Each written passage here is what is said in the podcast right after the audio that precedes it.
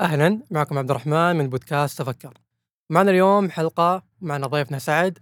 آه راح نتكلم فيها اليوم عن القراءات السبع في القرآن الكريم وراح نتكلم بشكل مفصل إن شاء الله. آه بس قبل ما نبدأ أول شيء يعني شكرا سعد إنك جيتنا من من مكان بعيد. ظاهر إنه يعني تكلفة عفواً. الطيارة كانت علينا. آه ولا؟ لا لا صادق أكيد. الله يسعدك. أصلا غير كذا ما بجي الله يسلمك. طيب يقولون إنك أنت يعني معجب في في العمل اللي قاعدين نقدمه إحنا في البودكاست اللي قاعدين نسويه. جدا جاي من بعيد أقول لك. الله يسلمك. طيب سعد آه خلينا نعرف أول شيء آه إيش هي القراءات السبع في القرآن الكريم وليش سموها سبع؟ نبغى كذا يعني آه مقدمة عن الموضوع هذا قبل ما ندخل بالتفاصيل. آه طيب ال- القراءات السبع طبعا أنا أصلا كنت بعارض على هذا الاسم أصلا. هي مو قراءات سبعه أصلا عشان ما ما تشغلنا بعد. لا، ممتاز. سموها قراءات سبعة؟ أنا أنا متعمد عشان أثري الحوار يعني. آه جميل. طيب ال- القراءات هي أصلا في عشرة لكن بنعرف قصة السبع إن شاء الله قريبة. فهي أصلا قراءات عشرة هي اللي صحيحة عن النبي صلى الله عليه وسلم. يجوز لأي أحد أن يقرأ فيها خارج الصلاة وفي الصلاة. آه في قراءات ثانية تسمى قراءات شاذة. هذه اللي ما يجوز تقرأ كقرآن لأن من اسمها أصلا شاذة هي. فما وصلتنا بطرق نقدر نقول إنها قرآن. بالنسبة للقراءات العشرة آه، هي طرق أداء القرآن. يعني القرآن أول ما دون يعني النبي صلى الله عليه وسلم في زمن النبي صلى الله عليه وسلم ما كان في كتابة للقرآن. لأن أصلا النبي صلى الله عليه وسلم أرسل يعني أمة أمية عرفت شلون؟ فلما يكون الأمة والرسول اللي أرسل لهذه الأمة أميين هو الذي بعث في الأميين رسولا منهم. لا تقرأ ولا تكتب. فالقرآن من باب أولى ما كان مكتوب أصلا.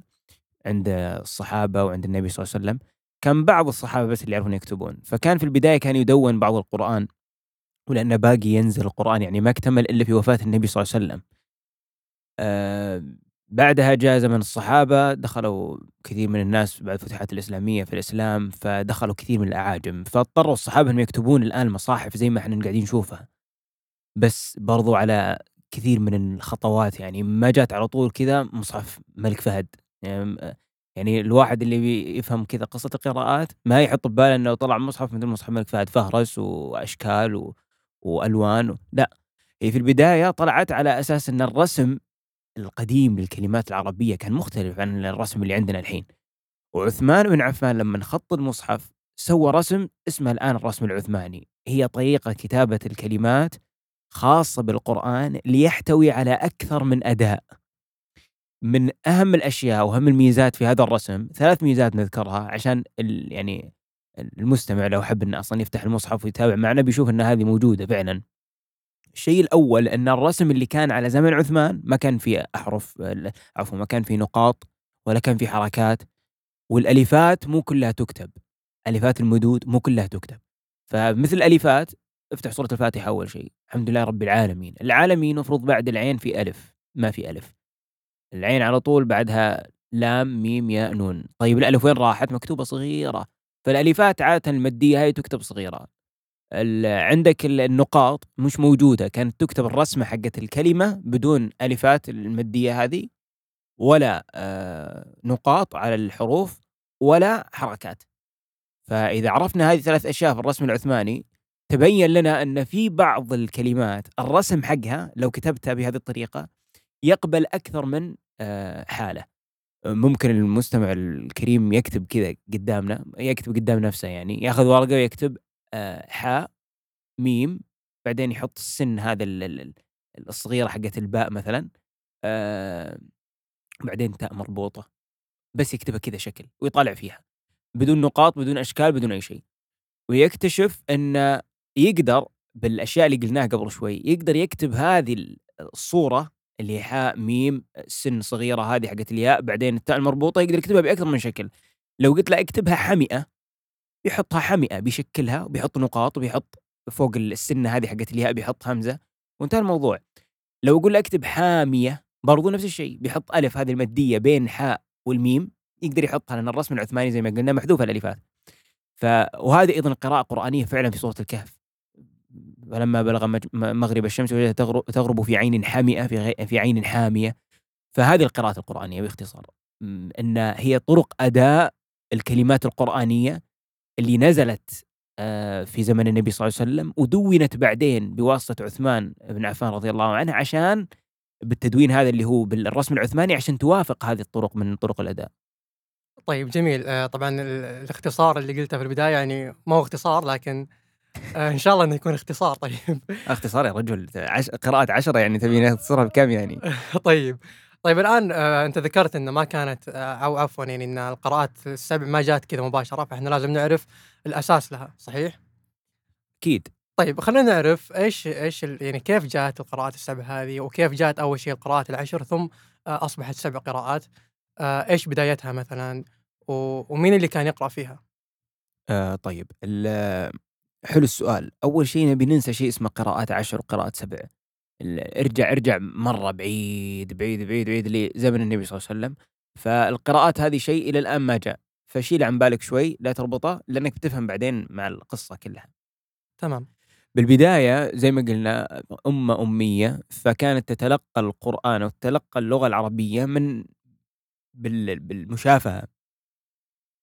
يعني الواحد يتعلمها من أبوه من جده من قبيلته فكانوا يعني من البلاغة اللي فيهم والشعر اللي كانوا يشعرونه مثل المعلقات السبع وغيرها من هذه الأشياء اللي كان البيان فيهم فصيح جدا يعني العرب كانوا مرة فصحاء ومع ذلك ما كانوا يقرؤون ويكتبون فكانوا لأن يتعلمون اللغة هذه سليقة فبنفسه هو كذا فصيح فنزل القرآن لما نزل على النبي صلى الله عليه وسلم آه، في البداية على الوسط اللي النبي صلى الله عليه وسلم بدأ ينذر قومه فيه من هذا الوسط؟ إيش القوم اللي ارسل لهم النبي صلى الله عليه وسلم؟ أول شيء قومه قريش. فالنبي صلى الله عليه وسلم من قريش وقومه يتكلمون بنفس لهجته العربية.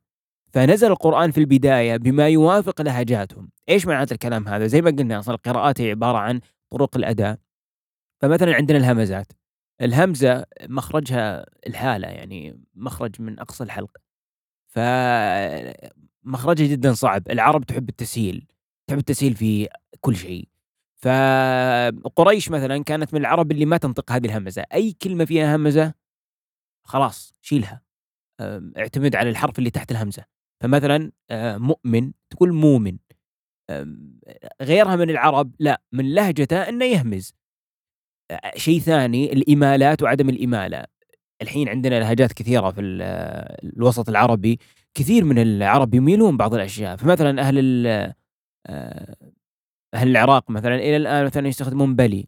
فإمالة بلا لغة عربية فصحى. فكانت بعض ال- العرب تميل مثل هذيل. قبيلة هذيل كانت تميل اللي منها عبد الله بن مسعود. فكان مثلا يقرأ طه يقرأها طيه لأنه يميل أصلا هو تعود لسانه على الإمالة. الصعايدة مثلا يميلون تاء التأنيث. آه، يمكن يعني آه، الحاقه مثلا. فهذه قراءة قرآنية صحيحة يعني ما حد يقدر يقولون إنها غلط. ومع ذلك أيضا في لهجة عربية مثل الصعايدة في مصر يتلهجون بهذه اللهجة يقولون نفس هذه الطريقة من طرق الأداء. وصعب على الصعيدي اللي أصلا نشأ في الصعيد تقول له غير اللهجة هذه. ما يقدر ما يقدر. فما بالك بالعرب اللي أصلا كانوا ما يقرؤون ويكتبون وتبي يغير لهجته. فالنبي صلى الله عليه وسلم في بداية الأمر في مكة كان مرسل إلى قريش فكان القرآن ينزل بحرف واحد بطريقة أدائية واحدة. ثم لما انتقل النبي صلى الله عليه وسلم إلى المدينة في الهجرة قابل كثير من ال من ال القبائل الثانية اللي بعضهم يميل وبعضهم يهمز وبعضهم آه، يسهل الهمزات وبعضهم يحقق الهمزات إلى ما لا نهاية من الأشياء اللي موجودة في كتب القراءات الحين.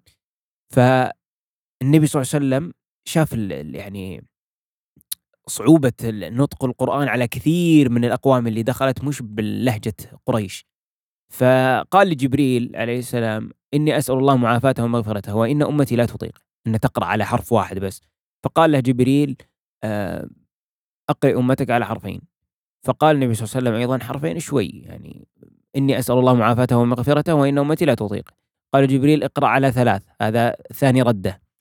ثم قال النبي صلى الله عليه وسلم ثلاث يعني إن أمتي لا تطيق. أسأل الله معافاته ومغفرته. الثالثة هذه قال لجبريل اقرأ أقرأ أمتك القرآن على سبعة أحرف كلها شاف كاف. وإن لك بكل مسألة سألتنيها آه، كل ردة رددتنيها مسألة. يعني هو رد النبي صلى الله عليه وسلم ثلاث مرات ففي ثلاث دعوات النبي صلى الله عليه وسلم راح يستجيب لها الله سبحانه وتعالى.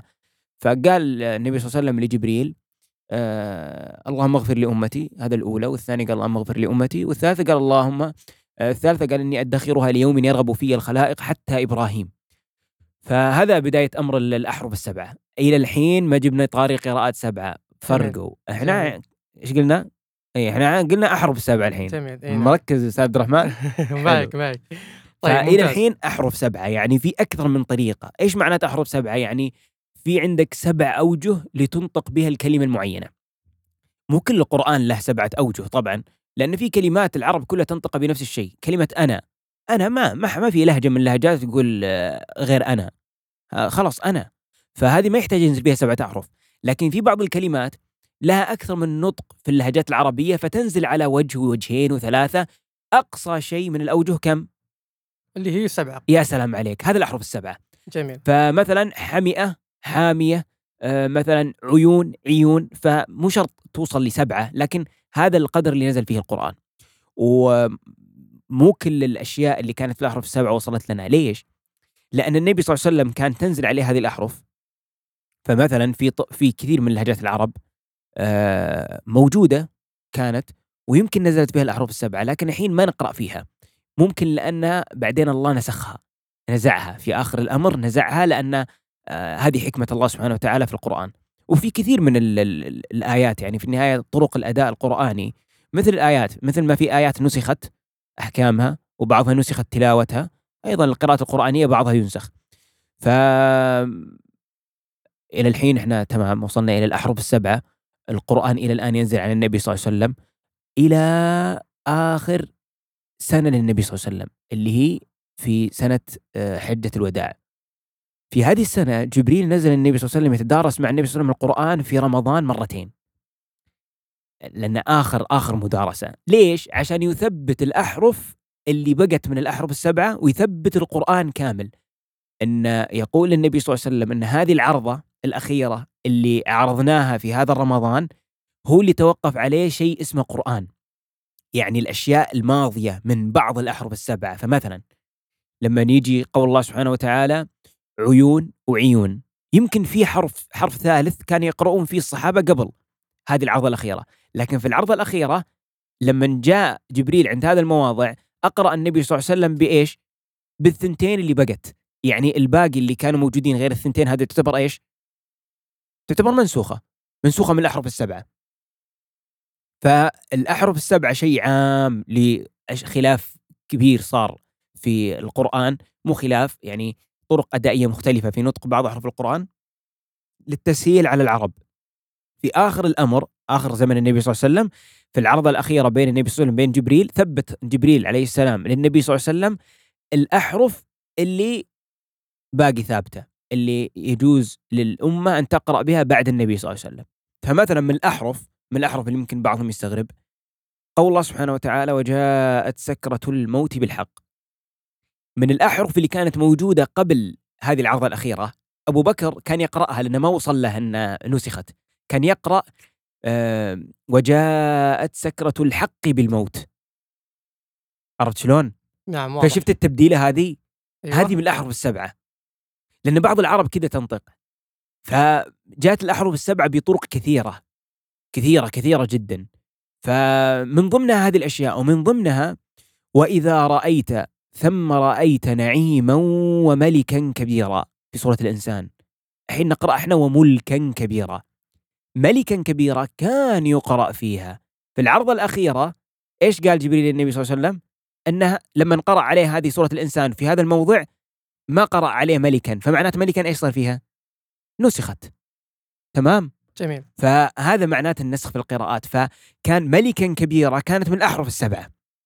لكن لما استقر في النهاية ال- القرآن في العرضة الأخيرة حقت النبي صلى الله عليه وسلم اللي بقيت من الأحرف الحرفين هذول حقين ملكا وملكا إيش؟ بقي حرف واحد فالأحرف السبعة شيء شامل كثير منه نسخ بما. بما يعني يوافق حكمة الله سبحانه وتعالى اللي أنزل فيها القرآن على النبي صلى الله عليه وسلم وعلى الأمة عشان تقرأ إلى قيام الساعة الحين بعد ما جاء زمن الصحابة باقي على صدورهم القرآن يحفظ في صدورهم القرآن زمن أبو بكر آه عمر آه اقترح على أبو بكر في زمن أبو بكر أنه يجمع المصاحف من صدور الناس ويضعها في صحف. فوكل زيد بن ثابت يجمع المصاحف من الناس كلهم ويحطها في صحف سواء كانت من العرضة الأولى أو العرضة الأخيرة. فكل ما يشتمل عليه القراءات السبعة حطها في مصاحف. سمي المصحف الإمام. ليش مصحف الإمام؟ لأن أول مصحف يجمع. هذا عبارة عن صحف كذا أشياء مفرقة لأن كانوا يكتبون الصحابة على الجريد النخل وعلى آه، سعف النخل وعلى العظام وعلى الأكتاف. كل هذه كانوا يكتبون عليها الصحابة فكان مثلا يكتب بعض الآيات ويكملها في شيء ثاني. فجمعهم في صحف وخلوه عند أبو بكر بعدين عند عمر. بعدين يوم جاء زمن عثمان بن عفان رضي الله عنه انتقلت من عند عمر بعد زمن عمر إلى حفصة أم المؤمنين حفصة اللي هي بنت عمر وزوجة النبي صلى الله عليه وسلم. فعثمان في آه، أحد الحروب اللي راحوا فيها إلى أرمينيا حذيفة بن اليمان كان موجود فشاف الناس اللي داخلين توهم بالإسلام والعجم واللي الفتوحات الإسلامية اللي صارت صار في خلاف كبير بينهم. ناس تقول أنتم تقرؤون قراءة غلط وناس يقولون أنتم قراءتكم هذه كفر و... فالناس اختلفوا اختلاف شديد وكفر بعضهم بعض. فجاء آه، حذيفة رجع إلى عثمان قال أدرك أمة محمد قبل أن تختلف في كتابها كما اختلفت اليهود والنصارى. يا ساتر. يعني بدأ الموضوع يصير الحين آه، يعني جدي وضع جدي يعني. إي نعم. إي ف آه، عثمان الآن اتخذ قرار. قال لي زيد بن ثابت إنه يحضر له المصاحف اللي كان جمعها بكل القراءات وبكل الأوجه من حفصة ويعطيه إياه. وفي نفس الوقت يأخذ من أفواه يتلقاها من فم الصحابة اللي آه، حافظين القران ومتقنين القرآن طرق الأدائية لهذا المصحف. ويشوف اللي أجمعوا عليه. فالأشياء اللي أجمعوا عليها وزيد بن ثابت ممن شهد العرض الأخيرة يعني يعرف إيش القرآن وقف عليه وإيش الأشياء اللي من الأحرف السبعة مش موجودة. فعثمان بن عفان الآن وهو يكتب المصحف كتب بطريقة رسمية معينة مثل ما قلنا في البداية تشتمل على الأشياء اللي بقيت من الأحرف السبعة. فمثلا قول الله سبحانه وتعالى وإذا رأيت ثم رأيت نعيما وملكا كبيرا خلاص أثبت ملكا. ملكا لأن شافها ما وصلت بطريقة متواترة يعني مستفيضة والكل يعرفها فمعناتها إنها من مش من العرضة الأخيرة. يعني ما ثبت عن القرآن يعني منسوخة فما يجوز القراءة فيها. مثل ما أن ما يجوز قراءة القرآن بالآيات المنسوخة. في آيات كثيرة مش مكتوبة في القرآن نسخت ما يجوز القراءة فيها. هذا مثل مثل مثل هذا الشيء الطرق الأدائية أيضا اللي هي في القراءات. إلى الحين إحنا في الأحرف. وعثمان كتب الآن بما يوافق البقية من الأحرف.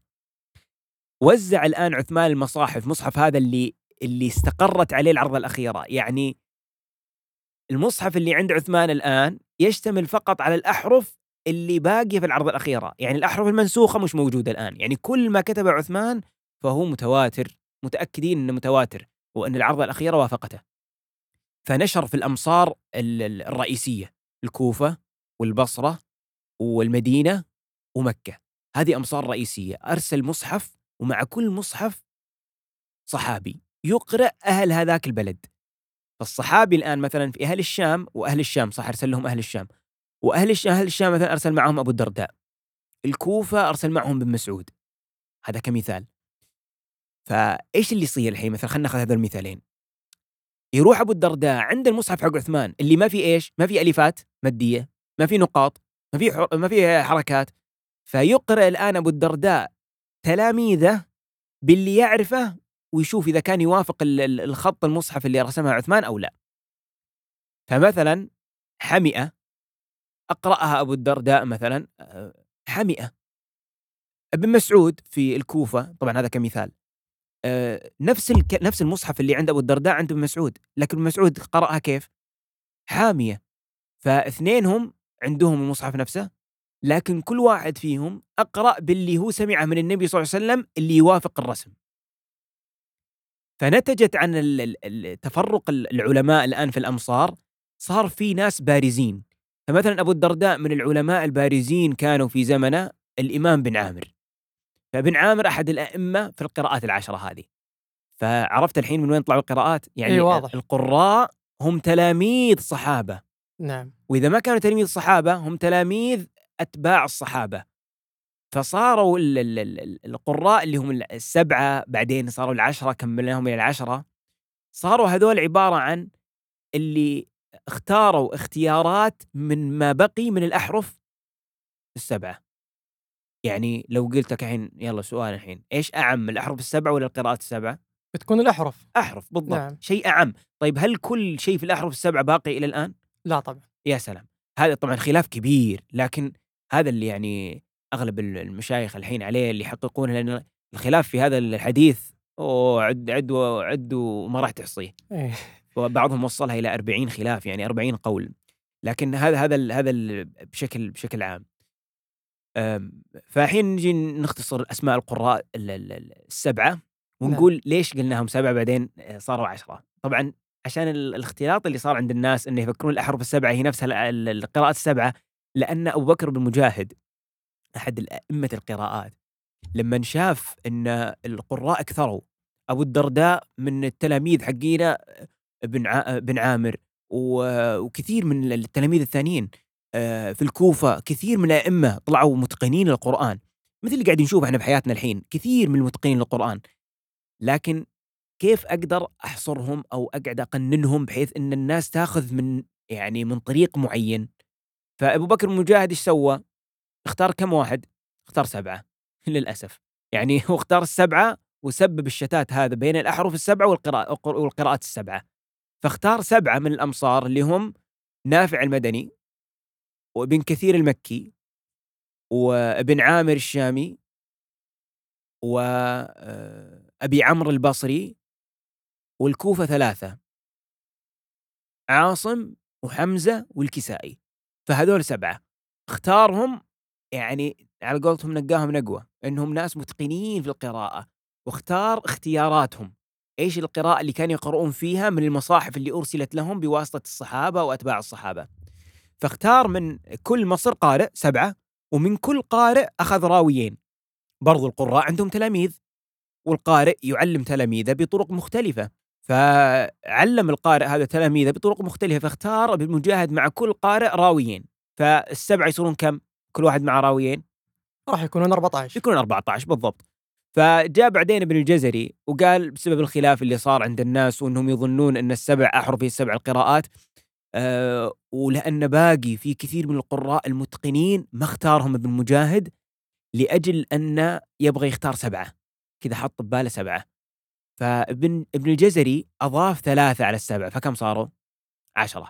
هذول العشرة هم اللي فعلا طرقهم كلها متواترة صحيحة جدا جدا جدا. من الثلاثة زيادة؟ يعقوب الحضرمي وأبو جعفر المدني وخلف العاشر الكوفي. فهذول الثلاثة المكملين للعشره فالقراءات في الأصل هي عشر قراءات هي المتواترة عن النبي صلى الله عليه وسلم وهذه اللي يجوز قراءتها كمصحف ويجوز قراءتها في ال- ال- في الصلاة ويعني التعبد بها ك- كقرآن. فهذه قصة القراءات العشرة. جميل جميل جدا. آه طيب الآن نجي للتطبيق العملي. أظن أن هذا وقتها أي الحين وقتها عشان إيه عشان نقدر نميز بين كل قراءة وأخرى. وطبعا آه، مع ذكر ال- الاسم صاحب القراءة. طيب آه، إيش رأيك؟ طبعا القراءات من الشيء الجميل فيها إن اختلاف الادائي قد يؤدي إلى اختلاف المعنى لكن اختلاف تنوع يعني يضيف لك معنى. طيب دام إنك ذكرت هذه النقطة قبل ما نبدأ الآن آه، لما يسمع المستمع العادي اللي ما عنده علم في الأمور هذه آه، قد يظن إن مثلا في تحريف في المصحف لأنه هو متعود على مثلا المصحف اللي عنده أو القراءة اللي موجودة يسمعها دايم. فإيش الرد اللي يكون هنا مثلا؟ الرد من بداية الحلقة قلنا إن المصحف اللي عندنا في يدنا هنا مجمع الملك فهد أو غيره من المصاحف لا تظن إن هذا اللي كان موجود زمان. هذا عبارة عن طريقة سهلت لك لقراءة القرآن بالطريقة اللي أنت تعرفها. لكن أول ما تأخذ المصحف هذا وتجرده من النقاط والحركات والألفات صدقني راح تقتنع تمام الاقتناع لأنه بيطلع لك بعدين الرسم العثماني. نعم بمعنى إني أنا أقدر أقرأ مثلا يعملون تعمل وتعملون نعم. بالضبط أحسنت. وكثير ترى في القرآن كذا كثير يعملون تعملون كثير كثير جدا. آه مثلا قول الله سبحانه وتعالى سورة المائدة آه يا عيسى ابن مريم هل يستطيع ربك؟ هل يستطيع؟ يعني آه هذا يعني هم يقولون لعيسى يقدر الله سبحانه وتعالى ينزل علينا مائدة؟ في قراءة ثانية يا عيسى ابن مريم هل تستطيع ربك؟ ربك هل تستطيع ربك؟ يعني هل تقدر تقول لله ينزل علينا مائدة؟ هل تستطيع ربك؟ يعني هل تقدر تخلي الله يستطيع انه ينزل علينا مائدة؟ عرفت شلون؟ إيه واضح نعم. الفكرة؟ إيه ف- فيختلف طبعا التفسير من قراءة لقراءة باختلاف نسبي طبعا. اختلاف نسبي بالضبط واختلاف تنوع. هذا الشيء الجميل في القراءات أنه مستحيل تشوف قراءة ضد قراءة. قطعا مستحيل. نفس اللي ذكرته سابقا اللي هو مثل آه، حمئة وحامية. بالضبط. إن العين اللي وصلها ذو القرنين كانت حمئة يعني مثل ما قال الله سبحانه وتعالى ولقد خلقنا الإنسان من صلصال من حمأ مسنون، الحمأ المسنون اللي هو الطين اللي له ريحه نتنه لونه أسود. فعين حمئة يعني العين هذه طينية وسوداء طينها أسود منتنة. طيب السؤال الثاني هل العين هذه العين حارة وأم باردة؟ الآية الثانية تبين العين هذه حارة اللي هي عين عشان حامية. عين حامية بالضبط. نعم نعم. طيب آه نبدأ الآن ال- ال- التطبيق العملي. التطبيق العملي. طيب تبي في أي في أي جانب؟ الاختلاف في العقيدة ولا في الفقه ولا؟ لا إحنا نبيك تنوع لنا عشان المستمع يعرف الفروقات كلها. طيب أول شيء في اختلاف مثلا ثمره الاختلاف القراءات في العقيدة. إن لو قلت إنسان الإنسان مثلا هل تعتقد أن الله سبحانه وتعالى عنده صفة العجب؟ هل يعجب الله سبحانه وتعالى من أمر من الأمور؟ آه، يمكن يتردد. لكن إذا عرف القراءة الثانية لقول الله سبحانه وتعالى بل عجبت ويسخرون في سورة الصافات يقول الله سبحانه وتعالى للنبي صلى الله عليه وسلم بل عجبت يا محمد يعني ويسخرون. في القراءة الثانية بل عجبت ويسخرون أي عجبت أنا يا الله سبحانه وتعالى الله سبحانه وتعالى يتحدث عن نفسه أي أن الله عجب من من قول هؤلاء آه، في ادعاء له أن الملائكة بناته وغير ذلك تعالى الله عما يصفون. فهذا مثال على الأمثلة اللي تؤسس عقيدة أن إذا واحد قال لك هل تعتقد أن الله لا صفة العجب؟ نعم الدليل حقك اختلاف القراءات وقراءة صحيحة هذه هي قراءة حمزة. آه، فهذا مثال على في الجانب العقدي.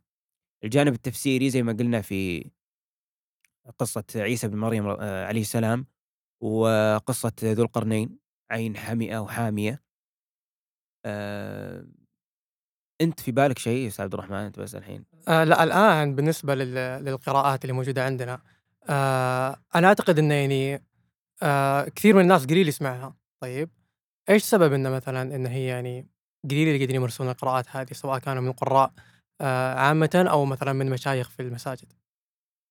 والله أول شيء علماء القراءات يعتبرون نسبيا قلة هذا أول شيء. ثاني شيء بسبة ال يعني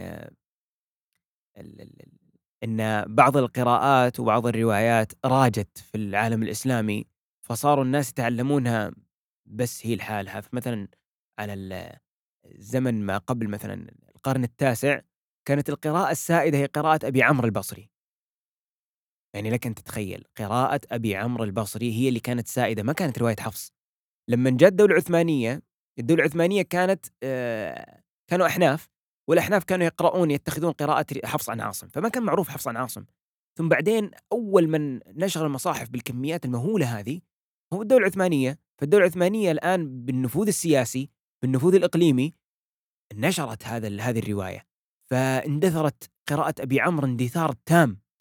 فأصبح الناس إذا كان المعلم يتبنى شيء ويعطيه للجيل اللي بعده واللي بعده يعطيه اللي بعده خلاص. فهي على حسب ال- النشاط العلماء نفسهم. فعلماء القراءات في ال- الأزمنة الماضية كانوا النشاط حقهم في تعليم الناس القراءات كان بسيط. كانوا المقبل على القراءات يعني هو اللي يأخذ هذا العلم. وبعضهم خلاص يكتفي لنفسه. ما يقرأ على الناس في ال- في المساجد أو غيره. وقد يكون عدم قراءتها إن في بعضهم يخشى الفتنة. زي ما قلت أنت يخاف إنه لما يقرأ بطريقة ثانية يجي يقولون الناس مثلا إيش قاعد تسوي أنت؟ قرآن جديد وتحريف. طيب ممتاز. يعني ممكن نلخص ال- ال- القراءات أو أن الفائدة اللي نستخرجها من القراءات هذه مثلا في تبيان معاني القرآن بشكل أكثر والتفسير وما إلى ذلك. آه فضلا عن طبعا التنوع في القراءة والأداء القرآني. بالضبط.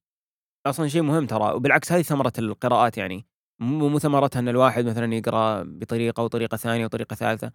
آه، يعني مثلا مثلا حنا هنا في الشرقية نقول جاء فلان ما نقول جاء شغلة إيه، ذي ف. طيب إحنا عرب ليش ما نقول جاء؟ الهمزة زي ما قلنا الهمزة هذه شغلة فنسهلها بين إحنا نحذفها جاء فلان. فكثير من القراءات القرآنية بعضها في تسهيل هذا. يقول الله سبحانه وتعالى حتى إذا جاء أمرنا وفارت النور. في قراء يقرؤونها حتى إذا جاء أمرنا وفارت النور. جاء أمرنا. فيحذف الهمزة حقت جاء. وغيرها من الأشياء في كثير من برضو أمثلة كثيرة في القرآن زي كذا. وأعتقد من الأمثلة الدارجة عندنا هنا مثل قراءة الصراط بالصاد أو بالسين. بالضبط. الله يفتح عليك. صح. هذه كثير ترى أسمعها والله. يعني تشوف آه، واحد يقرأ قراءة حفص مثلا هو يعرف هو يمكن ما يدري حتى إنه قاعد يقرأ قراءة حفص بس انه هذا اللي تعودنا عليه. فحفص أصلا يقول الصراط بالصاد. لكن تلاقيه يقول السراطة طيب هل هذا غلط؟ لا صح. وأبشرك ترى آه، يعني واحد من أكبر القراء يقرأ كذا ابن كثير يقرأ بالسراطة آه، اللي هو قنبل عنه طبعا يقرأ سراطة ويعقوب كامل براويه يقرؤون سراطة فهذه رحمة يعني ه- هذا من الأشياء. هذا صاحب السراطة لو قلت له قول صا صراطة يمكن يمكن تقعد معاه تشق عليه تشق. عليه بك- بقوة بعد. فلما تروح أنت ت- تلزم عليه تلزم عليه في النهاية هي نزلت لل- للتسهيل. ولأن يعني هذا قاعدين نشوف الواقع اللي الحين مع برضو مع إن إحنا متعلمين و- وأمورنا زينة وسمحة. ومع ذلك في كثير منا تعود على لهجة معينة على نطق معين خلاص ما يقدر يتركه جميل جميل جدا. آه، أنا أعتقد انه يعني كان الحوار صراحة مثري جدا. آه أنا ضعت شوي لكن لكن. عرفنا. اي مسكنا الدفه بالشركة. في النهايه ما عليك. فممكن تعطينا كذا مثلا آه، موجز آه ملخص أو شيء زي كذا مبسط. آه للموضوع هذا. ولو إنه يعني أعتقد إنه ما يبسط ولا ابدا. نعم لا يبسط ولا يعني آه ممكن نتكلم عنه باختصار لأنه موضوع واسع. وأظن إحنا غطينا منه نسبة. عموما ترى يمكن أصدمك. هذا مبسط أصلا. هذا مبسط اي إيه. هذا مبسط إحنا نتكلم عن نسبة يعني صغيرة جدا. اي ف طيب اللي اللي يبي يعني عنده فضول مثلا وده إنه يتعلم بعد ما سمع الآن الحلقة هذه مثلا أو إنه عنده مثلا فضول من من قبل إيش ال- الكلام اللي توجهه له أو تنصحه أو توجهه أو ايا كان يعني اللي تبي تقوله مثلا؟ والله النصيحة الأولى والأخيرة دام أن هذا قرآن فهذا مو بلعبة. أنا أنصح أن م- ما تروح على طول الأشياء اللي تدرعم فيها أنت. تروح تكتب في جوجل ولا تكتب في يوتيوب. لا اجلس مع شيخ عند القراءات هذه. إذا عرفت الفكرة حقتها وعرفت الأداء حقها وعرفت ال- ال- ال- المنابع حقتها بعدها أنا أقول لك روح اقرأ في كتب القراءات اللي تطلع لك ثمرة القراءات. يعني افتح لك كتب ولو إنها قليل ولو إنها قليلة وأنا أتمنى إن في أحد يشتغل عليها. الكتب اللي تتطرق إلى الخلافات في بعض الآيات والثمرة حقتها.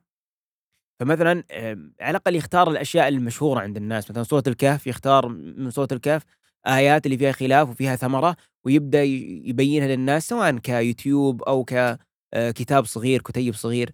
يطلع على شكل آه، يعني صور كل سوره يتدبر فيها بعض القراءات ينشرها.